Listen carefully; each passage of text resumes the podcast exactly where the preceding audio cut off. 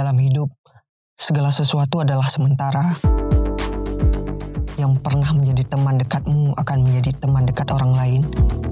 Yang pernah menjadi partner kerjamu akan menjadi partner kerja orang lain. Kekasihmu mungkin akan menjadi mantan kekasihmu. Orang tua dan keluarga akan terpisah oleh usia.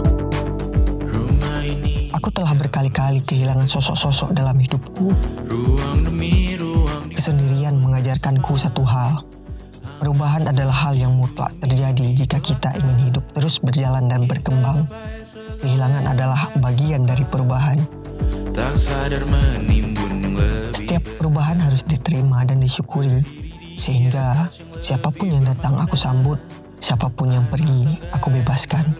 Karena hidupku adalah rumah, aku adalah tuan, sisanya adalah tamu yang tak bisa aku paksa tinggal. Dan kau selalu